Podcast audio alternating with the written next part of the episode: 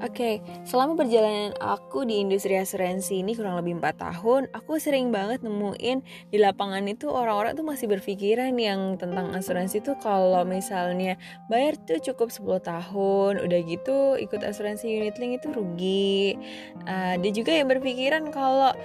uh, eh, gue masih muda nih gue nggak perlu deh ikut asuransi masih sehat-sehat aja kayak gitu nah mitos-mitos seperti itu yang pengen banget gue bahas hari ini supaya teman-teman ini lebih uh, tahu nih lebih sadar tentang insurance tuh sebenarnya seperti apa sih gitu jadi uh, one day ketika teman-teman memutuskan untuk memilih produk insurance itu bisa benar-benar sesuai dengan kebutuhan.